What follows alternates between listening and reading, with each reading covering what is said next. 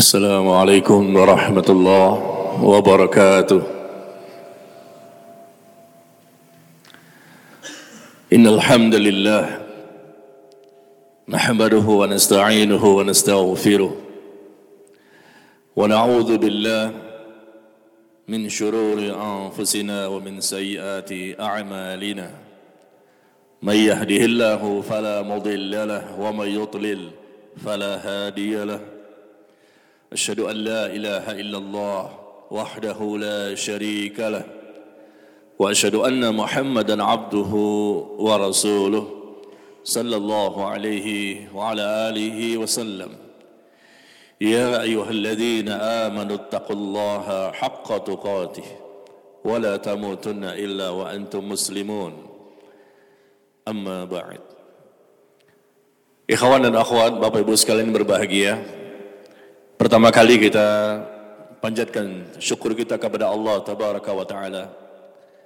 Di malam hari ini kembali Allah memberikan kesempatan, kesehatan, dan keluasan waktu serta nikmat lainnya untuk kita bisa sama-sama hadir di salah satu rumah Allah, masjid yang merupakan tempat yang paling Allah cintai di muka bumi ini. Tidak ada tempat yang lebih Allah cintai dibandingkan masjid. Kita berkumpul karena melaksanakan ibadah. Di samping ibadah salat maghrib berjamaah, kita juga melakukan ibadah yang lain yang juga diwajibkan oleh Allah dan Rasulnya kepada kita.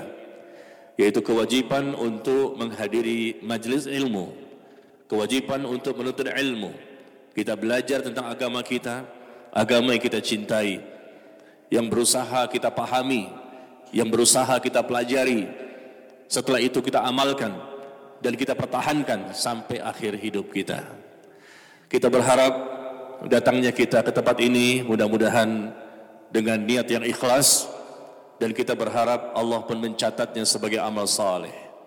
Amal saleh yang dapat memperberat timbangan kita nanti pada hari kiamat. Bapak Ibu, ikhwan akhwat sekalian yang berbahagia. Tema kita pada malam hari ini adalah setetes dunia untuk neraka. Setetes dunia untuk neraka. Ya, artinya apa? Artinya adalah sesuatu yang sifatnya sangat sedikit. Tidak ada artinya dunia ini dibandingkan kehidupan yang kekal abadi dan selama-lamanya, yaitu kehidupan alam akhirat. Dunia kita tinggal di sini selama beberapa tahun. Tetap saja tidak bisa mengalahkan kehidupan akhirat. Barangkali ada yang berumur 50, 60 atau 70 tahun bahkan 80 tahun hidup selama di dunia ini. Tapi tetap saja itu semuanya sangat sedikit. Bahkan Allah menginformasikan berkali-kali dalam Al-Quran bahwa dunia ini adalah kehidupan yang sedikit sekali, kehidupan yang sebentar, kehidupan yang menipu, kehidupan yang sementara, dan hanya sekedar senda gurau dan permainan. Wa ma hadhil hayatud dunya illa la'ib. Allah menjelaskan di surah Al-Ankabut bahwa tidaklah kehidupan dunia ini melainkan sekedar senda gurau dan permainan semata. Wa inna darul akhirah lahiyal hayawan law kanu ya'lamun. Dan sesungguhnya kehidupan akhirat itulah kehidupan yang sebenar-benarnya seandainya kamu mengetahui. Subhanallah, Sering kita mendengarkan adanya ustadz atau dai yang lain menyampaikan tentang hakikat kehidupan dunia. Bahwa dunia ini tidak ada artinya. Sementara, sedikit, menipu, dan lain-lain. Sudah banyak ayat yang kita ketahui. Sudah banyak hadis yang kita baca. Tetapi kenapa dunia masih lebih dominan di hati kita dibandingkan akhirat? Padahal kita tahu bahwa sepanjang berapapun usia kita selama di dunia, pasti itu sedikit tidak ada artinya. Karena kehidupan akhirat tidak bertepi. Kehidupan akhirat kekal abadi selama-lamanya. Tapi kenapa? Sekali lagi bahwa setetes nikmat dunia, setetes keindahan dunia, setetes kenikmatan dunia, setetes kelezatan dunia, ternyata itu yang membuat kita selalu terlupakan tertipu, terperdaya, sehingga kita melupakan pencipta kita.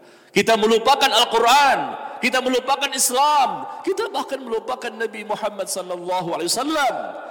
Kita melupakan bekal yang mestinya kita persiapkan sebanyak-banyaknya untuk menghadapi kehidupan yang pasti akan kita jalani. Semua kita pasti akan mengalami kematian kan? Kullu nafsin za'iqatul maut. Setiap yang bernyawa pasti akan merasakan kematian. Dicabut nyawa oleh malaikatul maut, berpindahlah seseorang ke alam yang lain, yaitu alam kubur. Di sana ada siksa kubur atau nikmat kubur. Kita tidak tahu di mana posisi kita. Kita yakin adanya alam kubur. Kita yakin ada kehidupan yang lain yang merupakan kehidupan pertama alam akhirat. Bahkan Nabi mengatakan al-qabru awwalu manazil akhirah. Kubur itu merupakan tempat yang pertama kali tahapan pertama kali kehidupan yang pertama kali dari kehidupan alam akhirat. Kubur yang pertama kali sebelum yang lain.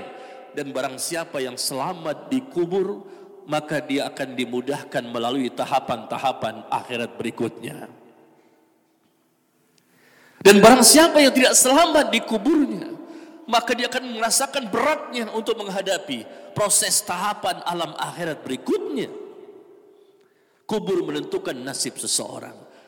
Untuk bisa selamat di alam kubur, haruslah selamat ketika akhir kehidupan dan kita berupaya mati-matian, habis-habisan untuk bisa mendapatkan husnul khatimah. Dan untuk mendapatkan husnul khatimah, kita harus istiqomah, kita harus beribadah dengan niat yang ikhlas, dan mengikuti sunnah, mengikuti ajaran yang telah dicontohkan, diamalkan, dipraktekkan dan didakwakan oleh Nabi kita Nabi Muhammad sallallahu alaihi wasallam. Bapak Ibu sekalian berbahagia. Nabi alaihi salatu wasallam telah mengingatkan kita dalam hadis yang dikeluarkan oleh Imam Muslim. Hadis yang mungkin kita sering dengar. Wallahi kata Nabi, Ketika Nabi bersumpah atas nama Allah, berarti ada sesuatu yang serius, ada sesuatu yang besar. Dan tidak selalu, tidak senantiasa Rasul itu bersumpah dengan nama Allah terlebih dahulu untuk menyampaikan sesuatu. Tidak selalu. Tapi di sini Rasul mengatakan wallahi demi Allah mad dunya fil akhirah illa mithlu ma yaj'alu ahadukum isba'u hadhi fil yam fanzur fanzur bima tarji' kata Nabi wassalam demi Allah tidaklah perumpamaan dunia dibandingkan akhirat melainkan seperti seseorang yang mencelupkan jari jemarinya ke lautan lalu jari tersebut diangkat ke atas maka lihat berapa banyak air yang masih menempel pada jari tersebut.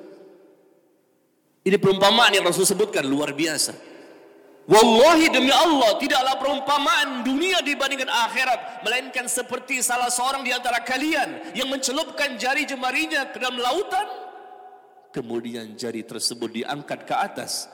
Berapa banyak air yang masih menempel? Lama-lama air itu habis dan mengering. Tidak lagi ada air yang menempel di jari jemari kita. Itu menunjukkan apa? Itulah dunia. Itulah dunia Sedangkan samudra lautan yang sangat luas itulah akhirat. Kita pernah baca hadis ini? Pernah. Kita pernah mendengarkan ada yang menyampaikan hadis ini? Pernah juga. Tapi kenapa kita tidak juga bersemangat untuk memikirkan masalah akhirat yang lebih prioritas? Setetes dunia diperebutkan rame-rame. Bahkan kita berani membunuh orang. Berani menzolimi orang berani menghancurkan kehormatan orang lain, mengambil hartanya. Dan kita jatuhkan kehormatannya, kita bunuh karakternya.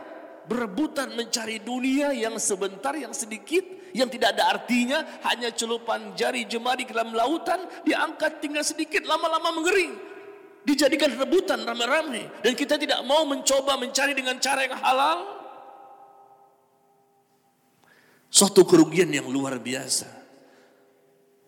Rugi bagi orang yang berbuat seperti ini. Begitu banyak perumpamaan yang Rasul sebutkan kepada kita. Kenapa kita tidak mencoba mencari yang halal? Kenapa kita tidak mencoba memanfaatkan waktu demi waktu yang ada selama di dunia untuk mencari ridho Allah? Kullu nafsin za'iqatul maut.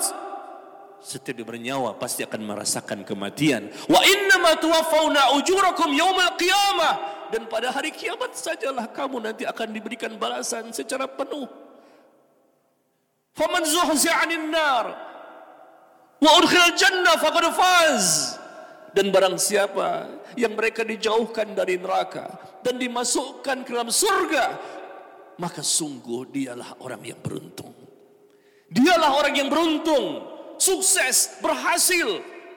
Siapa mereka? Orang yang dijauhkan dari neraka dan dimasukkan ke dalam surga. Bukanlah dunia yang menjadi patokan, bukan dunia yang menjadi patokan bahwa seseorang itu berhasil atau tidaknya. Tidak. Apakah mungkin kekayaannya yang luar biasa? Apa mungkin kesehatannya jarang sakit? Barangkali dia mendapatkan kesuksesan hidup di dunia dengan apa pun yang diperoleh. Sekolah sampai S1, S2, S3, bahkan bekerja, mendapatkan jabatan, pangkat, kekayaan. La, bukan itu ukuran keberhasilan seseorang dalam pandangan Allah tabaraka wa taala. Ukuran berhasil sukses adalah ketika seseorang berhasil terhindar dari api neraka dan dimasukkan ke dalam surga. Kenapa mereka bisa masuk dalam surga? Kenapa Allah pilih dia sebagai penghuni surga? Karena dia memandang dunia dari sesuatu yang sangat kecil. Allahu Akbar, Allah paling besar, Allah yang terbesar, tidak bisa dikalahkan yang lain tapi ada dari kaum muslimin dan manusia secara umum yang memandang dunia ini akbar. Dunia itu akbar.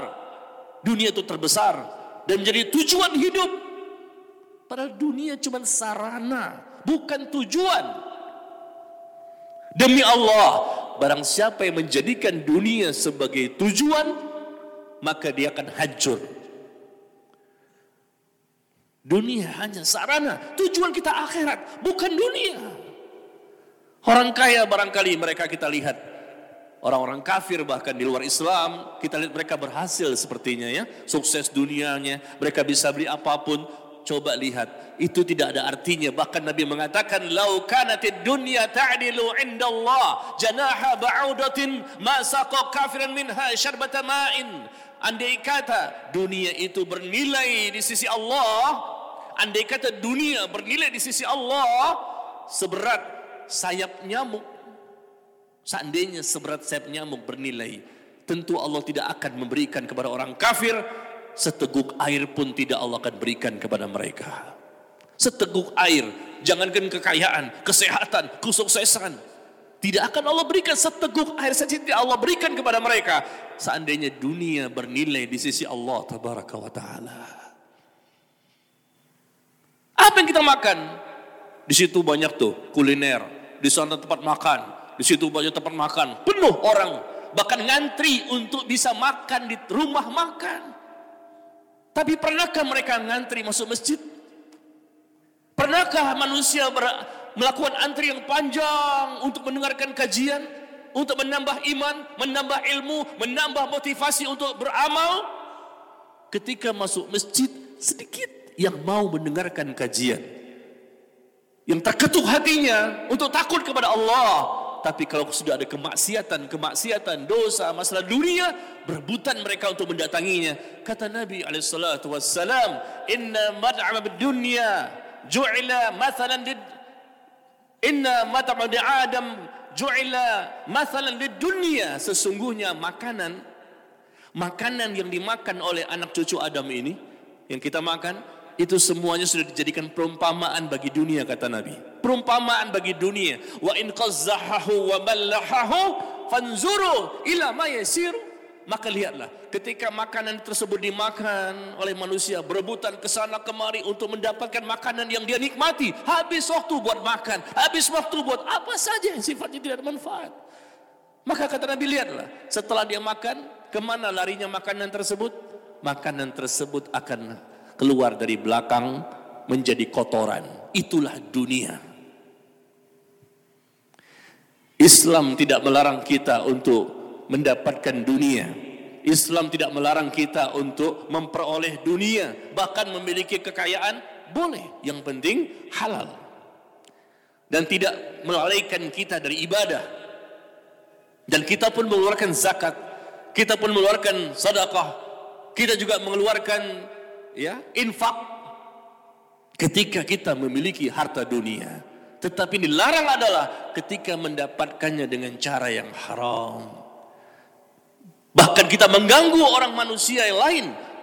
Sehingga kita bisa mendapatkan sebanyak mungkin. Akan datang satu zaman kata Nabi. di mana pada waktu itu manusia tidak lagi peduli dengan apa yang mereka dapatkan. Apakah harta yang halal, apakah harta yang haram. Mereka tidak peduli. Pokoknya mengambil semuanya. Nanti akan datang satu zaman seperti itu. Dan saat ini sudah terjadi. Manusia banyak mengejar kekayaan mengejar dunia, setetes dunia, padahal ujungnya di neraka karena tidak ada persiapan, tidak ada ibadah, tidak ada ilmu, tidak ada semangat, tidak ada kekhusyuan. Ketika ibadah pun tidak ada. Kapan kita khusyuk? Kapan kita khusyuk dalam beribadah? Untuk dunia kita bisa berjam-jam, pagi, siang, sore, malam. Kita kejar dunia. Bahkan lembur. Sabtu Ahad pun kita Jadikan waktu untuk mencari uang, mencari harta, mencari kekayaan, mencari dunia. Malam pulang pun tidak cukup, kejar lagi sampai lembur sampai malam. Oke, pernah nggak kita seperti itu ketika mencari akhirat? Tidak pernah. Padahal semuanya pasti kita tinggalkan. Setetes dunia yang kita nikmati, tapi ternyata itu menjadi penyesalan nanti pada hari kiamat apabila kita tidak ada bekal yang maksimal pada kehidupan kita di sana, hidup kita di sana, bahagia kita di sana. La aisha illa aishul akhirah kata Nabi, tidak ada kehidupan yang hakiki. La aisha tidak ada kehidupan yang hakiki yang sejati yang sebenarnya kecuali kehidupan alam akhirat. Itulah kehidupan kita yang sebenarnya. Maka kaum muslimin yang berbahagia, jangan kita tertipu dengan dunia Jangan tertipu dengan orang kafir yang mereka bebas melakukan apa saja yang mereka inginkan. Dosa apa saja, maksiat apa saja mereka lakukan. Lalu kita merasa, waduh enak ya. Alangkah saya bisa seperti itu. Kita coba untuk mengikuti mereka. Kata Allah, "Fala yaghurrannaka taqallubul ladzina kafaru fil bilad. Qalil, thumma ma'wahum jahannam. Wa bi'sal mihad." Kata Allah, jangan kamu tertipu dengan bebasnya orang kafir yang ada di suatu negeri. Jangan kamu tertipu dengan bebasnya mereka melakukan apa pun yang mereka kerjakan ketika mereka hidup di muka bumi ini. Jangan kamu tertipu dengan mereka. Mata qalil yang mereka peroleh itu hanya kesenangan yang sangat sedikit. Kesenangan sementara, kesenangan yang menipu, kesenangan yang akan menghancurkan dan membinasakan mereka. Mata'un qalil, thumma ma'wahum jahannam. Lalu mereka akan mendapatkan tempat kembalinya mereka adalah neraka jahannam wa bi'sal. Itulah seburuk-buruk tempat kembali. Allah sudah menginformasikan, jangan tertipu dengan mereka. Kita punya agama yang sudah jelas, kita punya akidah, kita punya Rabb, Rabbul Alamin yang menciptakan langit dan bumi yang menginformasikan kepada kita bahwa wa ma hadhil hayatud dunya tidaklah kehidupan dunia ini melainkan sekedar senda gurau dan permainan. Tapi memang kaum muslimin banyak yang mengikuti mereka. Mereka berlalai-lalai, mereka berleha-leha, waktu habis percuma, waktu habis untuk perbuatan yang tidak bermanfaat. Kita berada di sini, alhamdulillah ya Allah, kita terpilih dapat mendatangi masjid untuk mendengarkan firman Allah dan hadis Nabi sallallahu alaihi wasallam. Tapi bagaimana nasib kaum muslimin yang lain? Dan kita pun malam ini berkumpul karena Allah. Mudah-mudahan Allah tambahkan ilmunya. Allah tambahkan iman kita. Allah tambahkan rasa takut kita kepada Allah. Bagaimana kalau Allah cabut hidayah tersebut? Karena begitu banyak manusia yang Allah cabut hidayah. Allah cabut hidayah mereka. Karena mereka tidak peduli kepada penciptanya. Dunia bukanlah tujuan. Tujuan kita adalah akhirat Dunia hanya sarana. Makanya Allah mengatakan, "Wabtaghi fima ataqallahu darul akhirah wa la tansa nasibaka minad dunia." Cari kenikmatan, keselamatan, kebahagiaan negeri akhirat. Tapi kamu jangan lupakan nasib kamu di dunia. Kamu jangan lupakan nasib kamu di dunia. Cari akhirat dulu.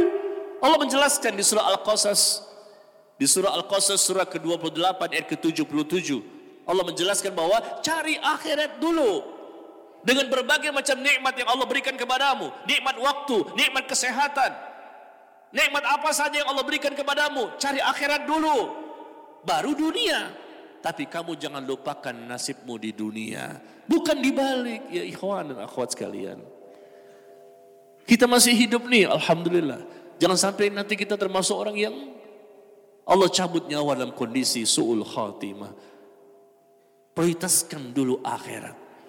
Tidak ada masalah dengan dunia. Dunia pasti ada ujian. Pasti ada masalah. Pasti ada bencana. Pasti ada musibah. Mau lari ke mana kita? Kita kepengen hidup di dunia nggak punya masalah? Nggak mungkin.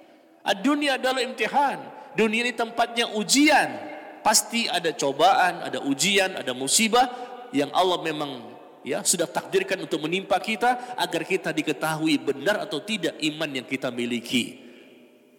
Sudahlah, dunia ini tempatnya ujian, tempatnya masalah. Makanya kita lihat banyak sekali fitnah-fitnah yang ada. Tapi kita sabar untuk menghadapinya.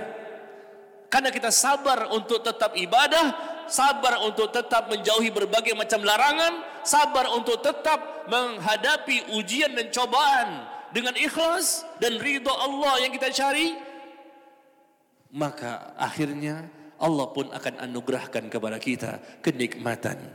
Allah akan berikan kepada kita nikmat yang terbesar yaitu surga dunia sebelum surga di akhirat. Tahukah Anda adanya surga dunia? Ad-dunya sijlul mu'min wajadatul kafir kata Nabi. Dunia ini penjaranya bagi orang-orang yang beriman.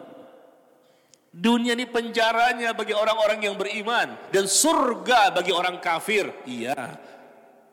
Penjara maksudnya apa? Tidak bebas. Ini enggak boleh, ini haram, ini halal, ini subhat, ini makruh, ini haram, ini enggak boleh. Ada aturannya rambu-rambu, seakan-akan seakan-akan terpenjara Padahal sebetulnya tidak. Karena semua aturan tersebut untuk kemaslahatan dan kebaikan manusia.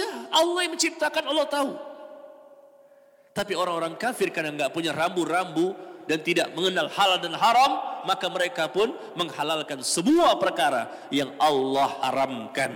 Nah kaum muslimin ketika mereka hidup di dunia, kalau mereka taat kepada Allah, kalau mereka saleh dan saleha, kalau mereka bertakwa kepada Allah, kalau mereka ikhlas niatnya, kalau mereka mengikuti sunnah Nabi sallallahu alaihi wasallam, demi Allah, Allah akan berikan kepada mereka nikmat dunia yang tertinggi yang terbesar. Apa itu? Surga dunia sebelum mereka mendapatkan surga nanti di akhirat. Apakah ada surga dunia?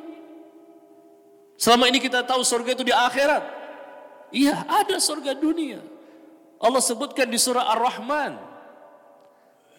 Di surah Ar-Rahman Allah menyebutkan waliman khafa maqama rabbih jannatan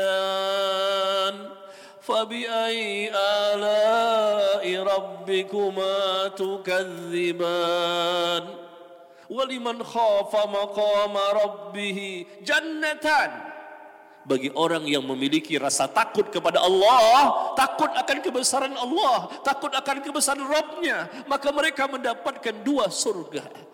Jannatan kata Allah. Pernahkah kita baca ayat ini? Bagi orang yang takut, betul-betul takut dengan ilmunya yang benar, dengan imannya yang benar, dengan amalnya yang benar, melahirkan rasa takut yang benar, maka dia mendapatkan dua surga. Fabi ayyi ala? Maka nikmatmu, Rabb, nikmat Rabbmu yang manakah yang kamu dustakan? Dua surga ini dijelaskan oleh para ulama, surga di akhirat dan surga di dunia. Surga di dunia berupa apa? Surga di akhirat kita tahu, di akhirat cuma ada surga dan neraka. tidak ada yang ketiga. Tapi di dunia ternyata ada surganya berupa apa? Bukankah dikatakan nikmat tertinggi terbesar? Iya, berupa apa surga dunia itu? Cintanya Allah kepada seorang hamba.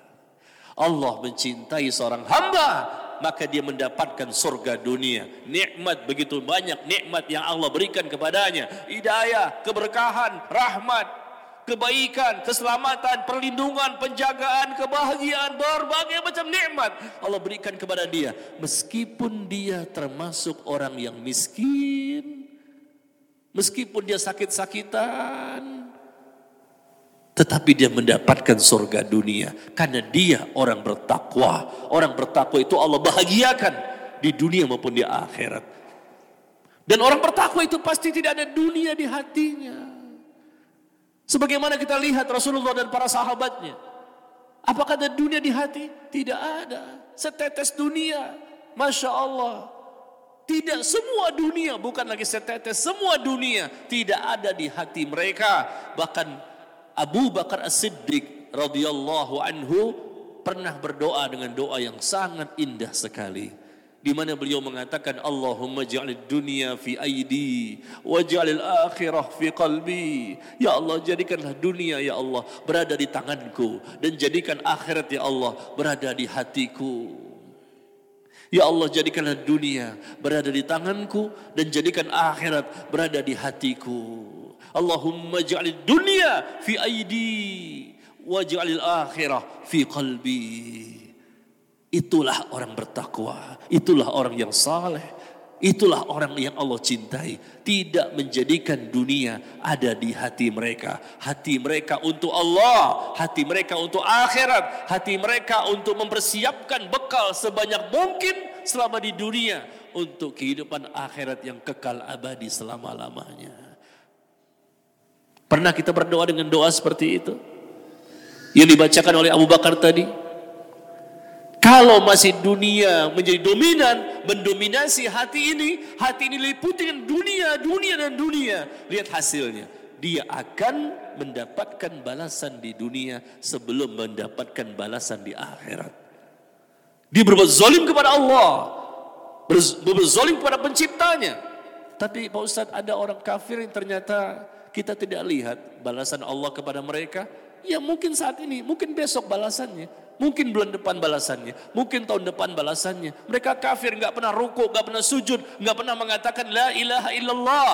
Tapi Allah sudah menjelaskan, wala yahsabanna alladhina kafaru annama numli lahum khairul li anfusihim innama numli lahum liyazdadu ithma walahum azabum muhin. Allah jelaskan di surah Ali Imran 178. Jangan sekali-kali orang kafir itu mengira bahwa tenggang waktu tempo nggak langsung diazab. Bagi mereka itu baik bagi mereka. Jangan mereka mengira menyangka tenggang waktu tempo Allah nggak langsung berikan azab pada mereka itu lebih baik bagi mereka. Sesungguhnya kata Allah, Allah memberikan tenggang waktu bagi mereka untuk apa? Agar mereka bertambah tambah tambah dosanya. Allah biarkan agar bertambah banyak bertambah banyak bertambah banyak dosanya dan nanti Allah akan berikan sekalian azab dengan azab yang menghinakan. Dan ternyata ini caranya Allah. Tidak selalu orang yang orang yang selalu tidak mau mengingat akhirat, dunia saja, lalu, Allah berikan langsung berbagai macam musibah. Tidak selalu. Kadang Allah ulur, Allah ulur, Allah ulur mereka. Makanya Allah katakan walladzina kadzabu biayatina sanastadrijuhum min haitsu la ya'lamun wa umli lahum. Masya Allah, na'udzubillah min dzalik. Allah menjelaskan bagi orang-orang yang mendustakan ayat-ayat kami, walladzina kadzabu biayatina, orang-orang yang mendustakan ayat-ayat kami, kami biarkan mereka secara berangsur-angsur menuju ke arah kebinasaan, kehancuran, dengan cara yang tidak mereka ketahui, tidak mereka sadari. Sebetulnya mereka sedang digiring menuju ke arah yang hancur nanti bagi mereka di dunia dan di akhirat. Ikhwanul akhwat, Bapak Ibu yang berbahagia, kita lanjutkan sedikit ya. Materi, kemudian setelah itu soal jawab. Uh, pembahasan kita kita mulai dari surah Hud. Di surat Hud surah ke-11 ayat yang ke-15 dan 16. Ya. Surat Hud surat ke-11 ayat 15 dan 16. Allah menjelaskan tentang orang-orang yang menginginkan dunia dan perhiasannya semata tanpa menginginkan kehidupan alam akhirat. Lalu apa yang mereka dapatkan? Kata Allah, "Man kana yuridul hayatad dunya wa zinataha,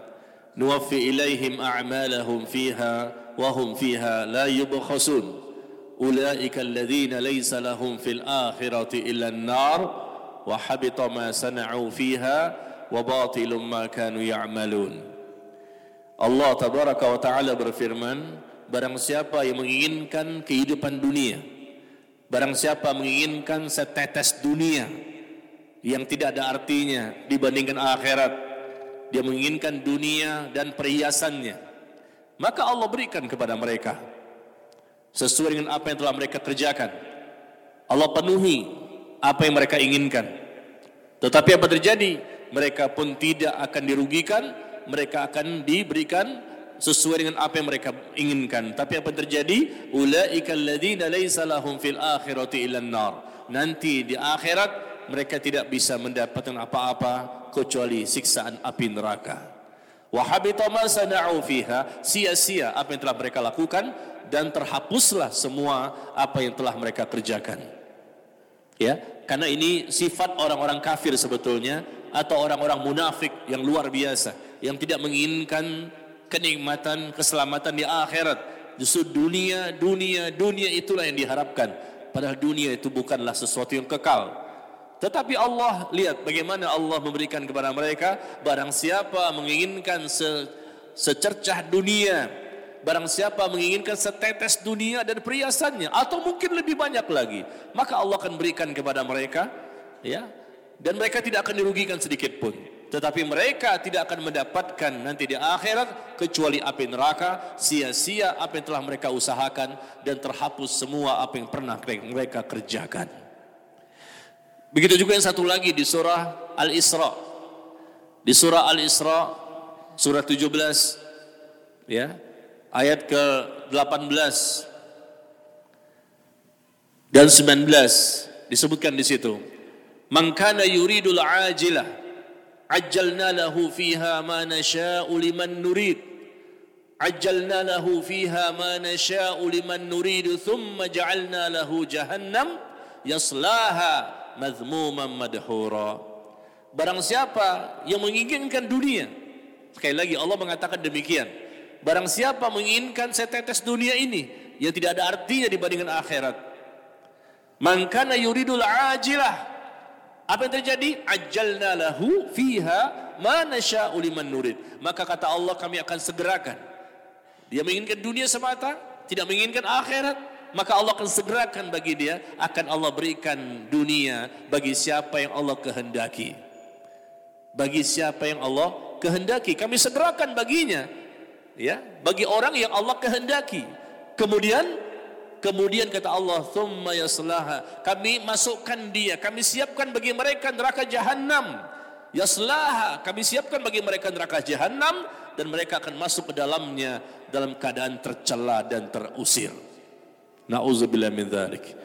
Maka ikhwan dan akhwat sekalian ya, hati-hatilah kita mengarungi kehidupan dunia ini karena kematian pasti akan mendatangi kita.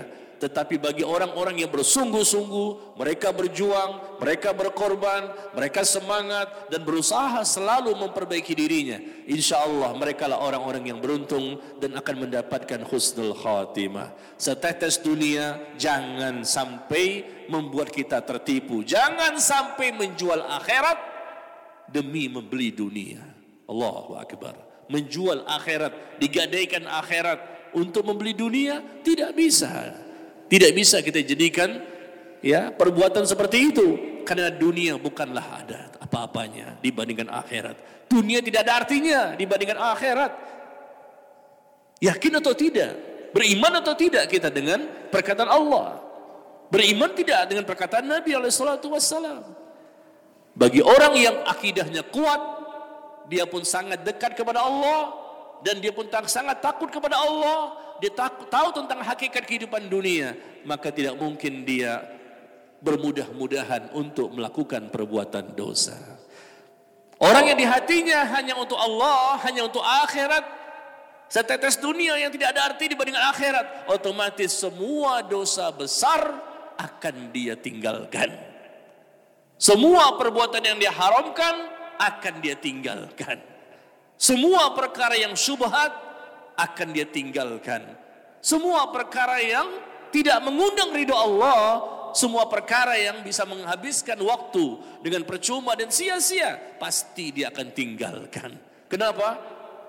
Di hatinya hanya ada akhirat. Segala sesuatu yang berkaitan tentang akhirat, dia semangat. Segala sesuatu yang berkaitan tentang akhirat, dia selalu berusaha untuk menggapainya. Itulah orang-orang yang beruntung. Mudah-mudahan kita termasuk di dalamnya. Ya. Silakan barangkali mungkin ada yang mau bertanya. Ya. Barangkali pertanyaan tentang materi yang kita sampaikan pada malam hari ini dalam waktu yang sangat singkat ya setetes dunia untuk neraka. Ya, kita semua ingin terhindar dari neraka. Semua kita berlindung kepada Allah dari siksa neraka. Tapi ternyata dunia yang menjadi skala prioritas kita, nauzubillah. Tentunya neraka siap untuk me menyiksa orang-orang yang seperti itu. Kalau memang kita ingin terhindar dari neraka dan Allah masukkan dalam surga, maka hendaknya dunia tersebut tidak menjadi skala prioritas kita selama hidup di dunia. Skala prioritas kita yang kita pikirkan, yang kita pedulikan, persentase lebih besar adalah masalah akhirat. Bahkan stresnya kita tidak dalam masalah dunia. Coba ikhwan dan akhwat, stresnya kita bingung yang luar biasa tidak ada dengan masalah dunia karena dunia hanya setetes kenikmatan setetes ya kelezatan setetes ya sesuatu yang tidak ada artinya maka tentunya yang lebih kita streskan yang kita lebih bingungkan yang lebih kita gelisahkan yang lebih kita galau tentunya masalah yang kekal abadi selama-lamanya makanya bagi seorang mukmin tidak ada kamusnya di dunia ini stres berat nggak ada bagi seorang mukmin tidak pernah stres berat apa pun masalahnya, apa pun ujiannya, apa pun problematikanya, nggak mungkin stres berat. Kenapa? Cuman setetes. Kenapa kita jadi stres? Berat. Hanya setetes dunia, kenapa kita jadi sampai sakit, sampai stroke, sampai mati bahkan nauzubillah min dzalik. Bagi seorang mukmin yang sejati, seorang mukmin yang sebenar-benarnya mukmin tentunya akhirat itulah yang menjadikan mereka stres berat karena mereka takut mendapatkan siksa dari Allah baik siksa kubur maupun siksa di neraka jahanam. Taib. Kita coba menjawab beberapa pertanyaan yang sudah masuk.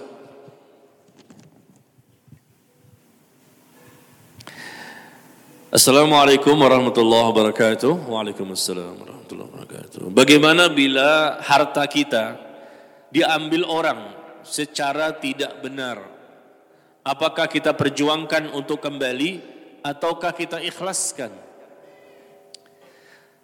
Harta diambil orang secara tidak benar dengan cara apa ini? Apakah dicuri, dirampok, atau harta kita diambil dengan cara riba, atau diambil dengan cara yang seperti apa? Apakah kita perjuangkan untuk kembali harta tersebut atau kita ikhlaskan, mungkin dia hutang nggak bayar-bayar, hutang saja terus, nggak bayar-bayar. Ini kan sama, orang mengambil harta kita secara nggak benar. Ya tentunya kalau memang kita butuh harta tersebut, ya kita berhak. Ya, kita memang tidak memiliki dunia di hati, tapi kita butuh dunia. Nggak, mas, masalah kita menagih hak kita, itu barang kita, itu uang kita, itu harta kita. Di mana orang tersebut mengambil secara zalim, mengambil tanpa hak dan kita butuh harta itu. Ya, maka boleh-boleh saja kita untuk menagihnya untuk dia bayar hutang kepada kita atau kita mengambil barang kita yang pernah diambil oleh dia. Ya, kita perjuangkan. dengan waktu kita, tenaga kita, pikiran kita, harta kita, apa saja. Kita perjuangkan untuk mendapatkan harta yang telah diambil oleh orang lain tanpa hak. Karena mereka mengambil dengan kezoliman. Ya, tetapi andai kata, andai kata mungkin kita tidak terlalu membutuhkan harta tersebut. Apalagi juga kita termasuk orang yang mampu, orang yang kaya, ya, dan terbiasa berinfak, bersedekah, dan harta itu pun ternyata juga ter tidak terlalu besar ya. Ya sudahlah, kalau mau berinfak silakan saja berinfak. Kita ikhlaskan, kita halalkan, dan sampaikan kepadanya. Ya sudah, kamu nggak usah bayar lagi, saya sudah ikhlaskan. Saya sudah ikhlaskan, saya anggap ini hadiah buat kamu atau saya anggap ini infak atau sedekah buat kamu. Seperti itu caranya ya. Barangkali kita merasa tadi kalau kita mampu, kita juga kaya, kita pun terbiasa infak, sedekah dan zakat dan kita ingin berpahala, ya sudah kita ikhlaskan. Tapi andai kata memang kita butuh dan itu memang uang kita, itu barang kita dan dia mengambil tanpa hak, ya dan kita butuh karena kita juga bukan orang yang mampu, maka boleh-boleh saja kita uh, berusaha keras berjuang untuk uh, supaya harta tersebut bisa kembali kepada kita.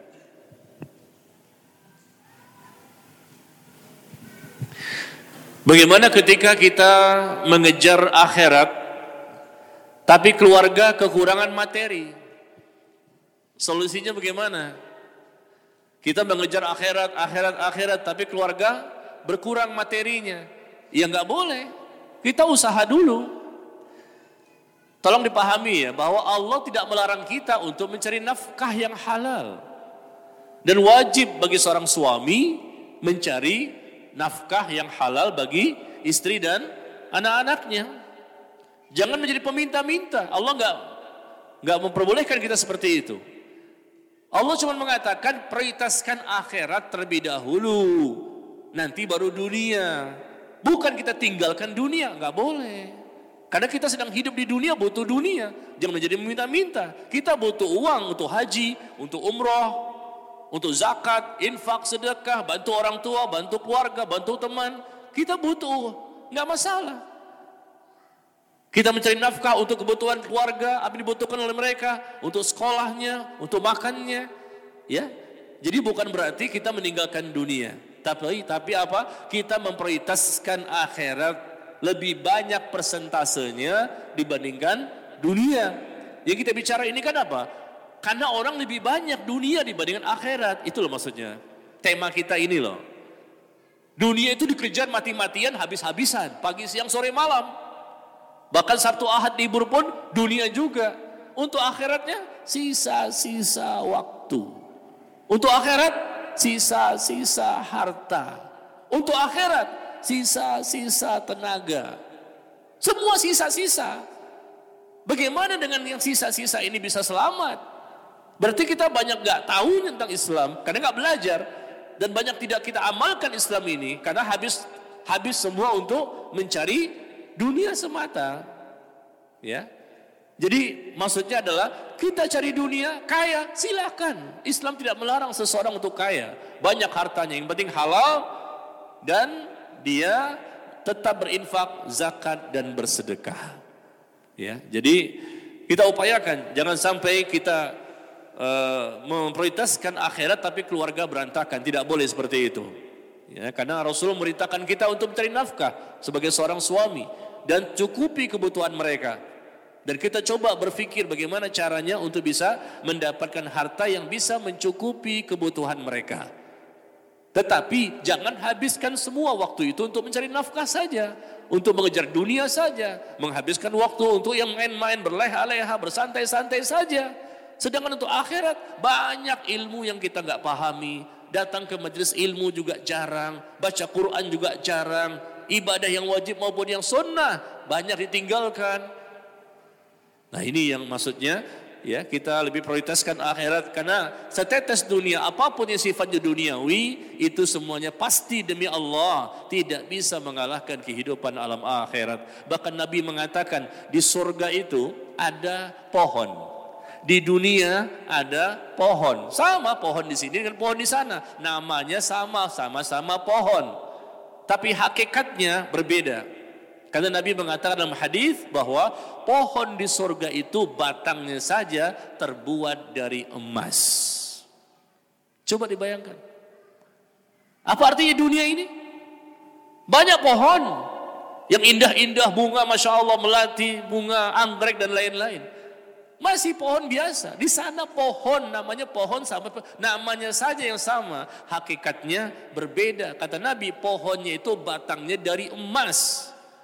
Bagaimana rumahnya? Bagaimana perhiasannya?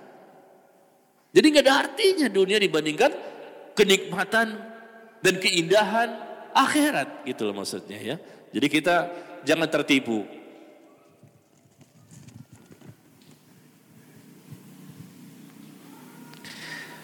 Bagaimana cara mendapatkan dunia dan akhirat yang Allah Ta'ala ridho pada keduanya?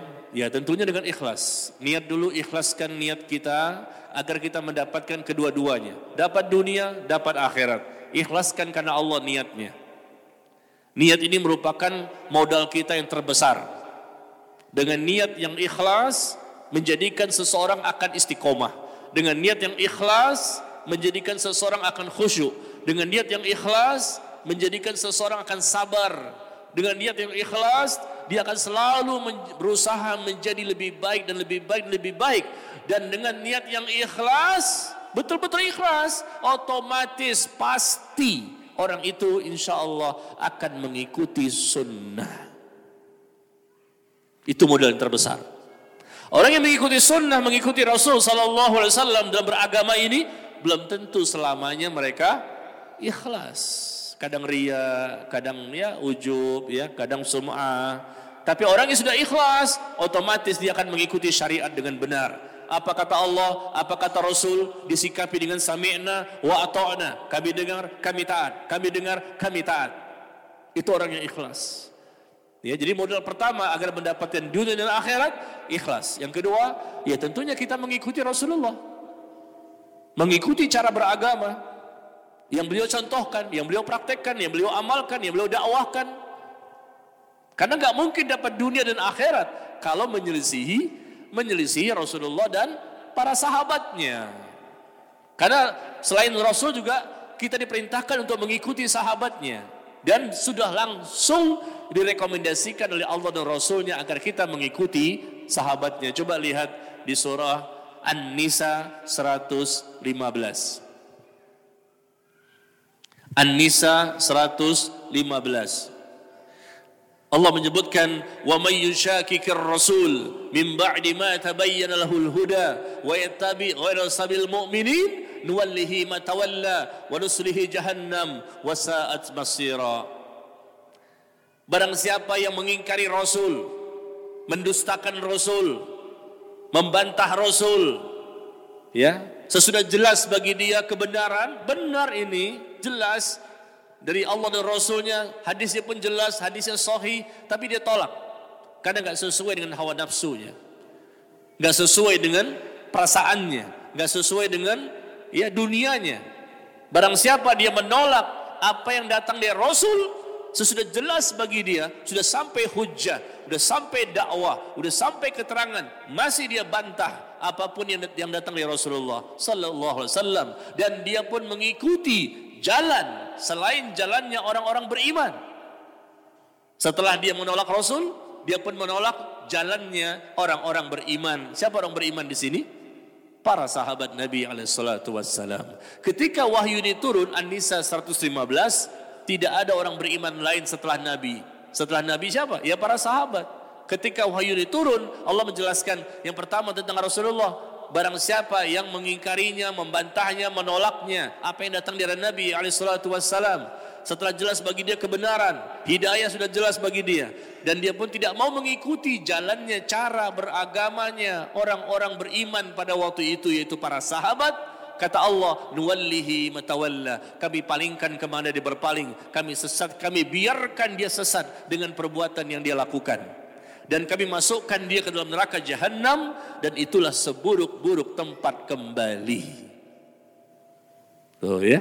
Jadi nggak bisa selamat, nggak bisa bahagia, nggak akan bisa mendapatkan nikmat lezatnya dan seterusnya macam-macam nikmat yang Allah berikan kecuali ikhlas dan mengikuti sunnah. Mengikuti cara beragama, jalan siratal mustaqim, ajaran yang berasal dari Nabi sallallahu alaihi wasallam dan para sahabatnya karena Rasulullah dan para sahabat telah direkomendasikan telah langsung direkomendasikan oleh Allah tabaraka wa taala dalam Al-Qur'an. Demikian ya, ikhlas dan kemudian mengikuti sunnah. Dan kemudian apalagi kita butuhkan agar mendapatkan dunia dan akhirat? Ya tentunya kita harus belajar. Belajar, belajar, belajar agar kuat iman kita dan kita amalkan ilmu kita. Kalau ilmunya saja banyak tapi tidak diamalkan, maka iman pun akan semakin menurun. Tapi ketika ilmu itu benar dan kita juga mengamalkan ilmu tersebut, maka iman pun akan semakin naik dan semakin naik. Percayalah, ikhwan dan akhwat sekalian, percaya ya, bahwa siapa pun di antara kita yang betul-betul berjuang benar-benar dia bersungguh-sungguh bersemangat untuk meraih kehidupan akhirat, percayalah dunia akan ngikut. Percayalah. Dunia akan ngikut. Antum akan diberikan kemudahan-kemudahan nanti. Lihat nanti survei membuktikan. Antum lebih banyak untuk akhirat persiapan, bukan meninggalkan dunia, bukan total meninggalkan dunia, cuman persentase untuk akhirat itu lebih banyak gitu loh. Karena kita tahu ini yang penting, ini kan sebentar, ini yang lama dan tidak ada batas batasannya. Nah kita lebih prioritaskan sana dengan keikhlasan kita mengikuti sunnah, kita sungguh-sungguh semangat segala macam. Nanti lihat dunia akan ngikut, Allah akan berikan jalan keluar atas segala masalah kita. Allah akan berikan solusi atas segala kebingungan kita. Allah berikan jalan keluar. Allah akan berikan rezeki. Rezeki dari arah yang tanpa disangka-sangka. Itu janji Allah. Dan Allah mengatakan, "Wa man aradal akhirah وسعى لها سعيها وهو مؤمن فأولئك فأولئك كان سعيهم مشكورا Surah apa itu? Hah? Al-Isra. Barakallahu fiqh. Ayat? Ayat 19. Al-Isra surah 17 ayat 19. Allah mengatakan waman aradal akhirah barang siapa menginginkan kehidupan akhirat dan dia bersungguh-sungguh untuk mendapatkannya dan dia seorang mukmin yang akidahnya benar tidak pernah mempersekutukan Allah maka apa kata Allah Lihat, ah, barang siapa menginginkan akhirat, akhirat tujuannya bukan setetes dunia, masya Allah. Lihat bagi perbandingannya. Mencelupkan jari jemari di lautan, diangkat ke atas, tinggal berapa yang nempel di jari kita. Itulah dunia yang nempel sedikit lagi, habis kita kering matahari. Yang lautan itu adalah akhirat. Barang siapa menginginkan akhirat, dan dia bersungguh-sungguh untuk mendapatkan akhirat tersebut. Dan dia pun seorang mukmin, akidahnya benar, tidak pernah mempersekutukan Allah. Faulaika kana sa'yuhum mashkura. Kata Allah, merekalah orang-orang yang akan diberikan balasan dengan balasan yang baik. Di mana? Di akhirat dia mendapatkan balasan, di dunia dia mendapatkan balasan. Dua-duanya di Allah berikan balasan sehingga dia mendapatkan kehidupan yang berbahagia di dunia dan di akhirat. Cuman masalahnya percaya nggak nih? Ayat sih bisa dibacain. Percaya nggak? Waduh kayaknya belum terbukti. Coba evaluasi. Jangan-jangan kita kurang ikhlas. Belum terbukti, jangan-jangan kita belum mengikuti sunnah. Belum terbukti, jangan-jangan kita belum ya belum semangat. Belum apa? Bersungguh-sungguh. Allah kan gak pernah ingkar janji ya. Inna Allah la yukhliful mi'ad. Allah gak pernah mengingkari janjinya. Kitanya benar gak nih melalui prosedur-prosedurnya. Allah pasti akan berikan nauzubillah. Orang kafir gak pernah ruku, gak pernah sujud, Ternyata bisa, kok kita nggak dapat? Coba evaluasi. Tapi Allah berikan mereka nggak berkah.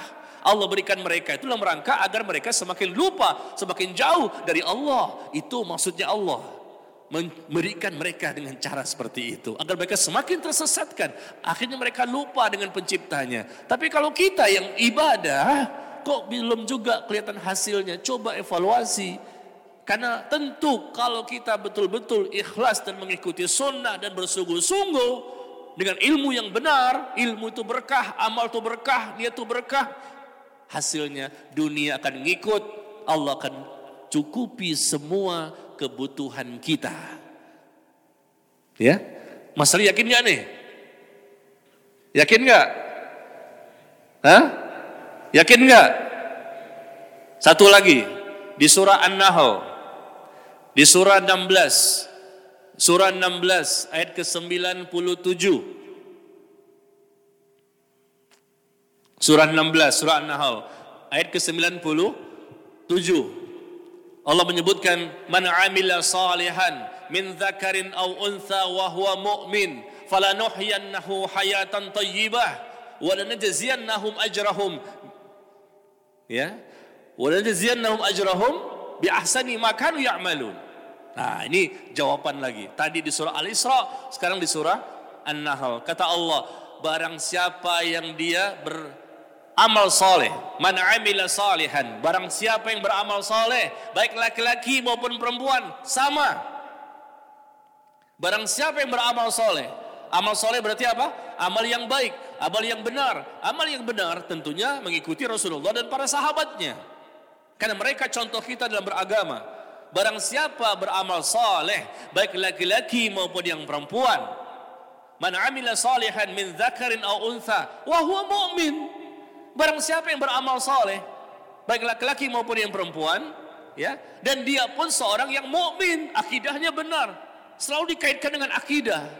Dia pun seorang mukmin, tidak pernah mempersekutukan Allah. Dia ikhlas dalam beribadah. Apa kata Allah? Falanuhyannahu hayatan thayyibah. Kami akan berikan kepadanya apa itu? Kehidupan yang baik. Kehidupan yang baik. Apa itu? As-sa'adah, kebahagiaan. Kehidupan yang baik, janji Allah. Allah akan berikan kepada mereka kehidupan yang baik di dunia maupun di akhirat. Allah berikan dia kebahagiaan, Allah berikan dia kecukupan. Allah jadikan hatinya merasa khusyuk ketika beribadah. Dia merasakan nikmatnya ibadah, manisnya ibadah, lezatnya ibadah. Bisa menangis ketika sedang sholat. Bisa menangis ketika membaca Al-Quran. Hatinya lembut, hatinya bersih, kalbun salim. Kenapa? Karena dia memenuhi persyaratan. Makanya kalau kita sampai hari ini belum mendapatkannya, coba evaluasi. Ya, bisa jadi karena kitalah yang masih belum pantas untuk mendapatkannya karena belum memenuhi prosedur. Ini pertanyaannya kok banyak ya? Hah? Iya. Masya Allah.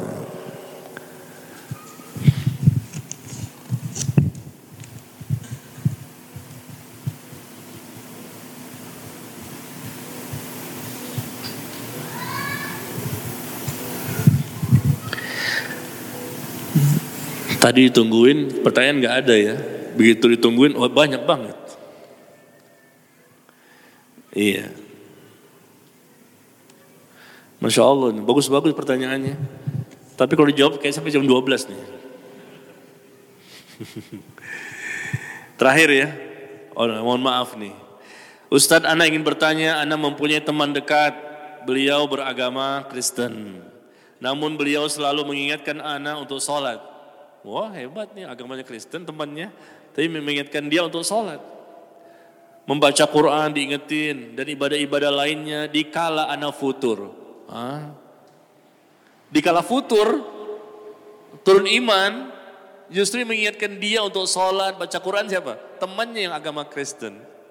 Kok aneh ya? Apakah boleh anda bersahabat dengannya? Karena akhlak beliau yang sangat baik juga. Ya subhanallah, bisa jadi ada orang yang seperti ini. Kita berteman dengan sesama muslim ternyata tidak membuat kita menjadi naik imannya. Pas kala futur, turun iman, kamu nggak sholat. Ya udah sama-sama lah kita nggak sholat. Senasib lah kita, sama-sama neraka lah. Sama-sama muslim nih, tapi nggak kasih semangat. Ingetin ke ya, dinasehati, didakwahi. Ya, bagusan ini nih, meskipun kafir. tapi kalau kita lagi turun iman, eh kamu nggak sholat, kamu kan Islam, masa nggak sholat sih? Katanya aku Islam, katanya agamanya bener. Wah bingung juga kita kan. Nah, itu bagaimana nih? Ini ternyata kelebihannya di situ. Kita sebetulnya boleh berteman dengan siapa saja, yang muslim maupun kafir. Tapi untuk menjadi sahabat karib, sahabat kental, sahabat dekat, nggak boleh dengan orang kafir. Bahkan nggak boleh dengan muslim sembarangan. Bedakan ya. Kita boleh berkawan, berteman kepada siapa, bergaul dengan siapa saja, ya ya tentunya kita mungkin di sekolahan, di kampus, di masjid, di masyarakat, kita kenal orang say hello, assalamualaikum, apa kabar segala macam. Tapi untuk menjadi teman dekat, sahabat karib, sahabat kental, ya tidak boleh sembarangan, tidak boleh orang kafir dan nggak boleh juga muslim yang yang tidak kuat agamanya. Kenapa? Karena kita butuh oh yang paling dekat dengan kita ini orang yang bisa mewarnai kita, bisa mengingatkan kita, bisa mendakwahi kita ya makanya Rasul mengatakan dalam hadis ar-rajul ala dini khalilih falyanzur ahadukum man khalil seseorang itu tergantung dengan agama teman dekatnya Seseorang itu tergantung dengan agama teman dekatnya. Maka lihat dengan siapa dia berteman. Lihat dengan siapa dia berteman. Seseorang itu tergantung kalau agamanya kuat, maka dia pun akan kuat insya Allah. Tapi kalau dia agamanya lemah, maka temannya juga akan jadi lemah. Ya, jadi cari teman yang menjadi sahib kita, sahabat kita, ya, teman dekat kita harus yang muslim. Muslim, nggak boleh kafir. Kafir itu teman biasa, teman biasa, teman biasa. Tapi bukan sahabat karib, sahabat kental yang paling dekat dengan kita. Dan carilah yang muslim. Yang muslim pun bukan muslim sembarangan. Tapi muslim yang kita lihat memang dia punya kelebihan-kelebihan yang kita harapkan nanti bisa mengingatkan kita ketika kita lupa mengajak kita ketika kita lalai, mendakwahi kita ketika kita salah dan seterusnya. Ar-rajul 'ala dini khalili falyanzur ahadukum man yukhalil. Seseorang itu tergantung dengan agama teman dekatnya. Maka lihat dengan siapa dia bertemannya. Taib. Sampai di sini mohon maaf sekali tidak bisa semua dibaca karena waktu yang sangat terbatas ya. Dan sepertinya antum juga capek ya Dengerin ceramah capek ya? Yang mendengar kayaknya lebih capek dibandingkan yang berbicara ya. Ya, buktinya apa? Yang mendengar lebih capek. Buktinya apa? Anda dari tadi duduknya begini aja. Antum begini, begini, begini, begini. Ada, ada perhatikan dari tadi tuh. Kiri, kanan, kiri, kanan. Oh capek dia mendengarkan ceramah ya. Padahal yang ceramah itu lebih capek loh. Tapi nggak begini-begini. Musibah ya. Demikian, semoga Allah selalu memberikan hidayah kepada kita, menambahkan ilmu kita, dan menjadikan kita banyak beramal saleh, banyak mempersiapkan bekal sebelum kematian datang kepada kita. Kembali sekali lagi bahwa setetes dunia jangan kita jadikan skala prioritas. Prioritas kita adalah akhirat, akhirat dan akhirat dunia kita cari, tapi jangan menjadi sesuatu yang nantinya melalaikan kita, melupakan kita, bahkan tidak banyak persiapan akhirat yang kita bawa nanti. Nauzubillah. Semoga dunia ada di tangan kita dan akhirat selalu berada di hati kita. والله أعلم بالصواب. وصلى الله على نبينا محمد والحمد لله رب العالمين. سبحانك اللهم وبحمدك. أشهد أن لا إله إلا أنت. أستغفرك وأتوب إليك. والسلام عليكم ورحمة الله وبركاته.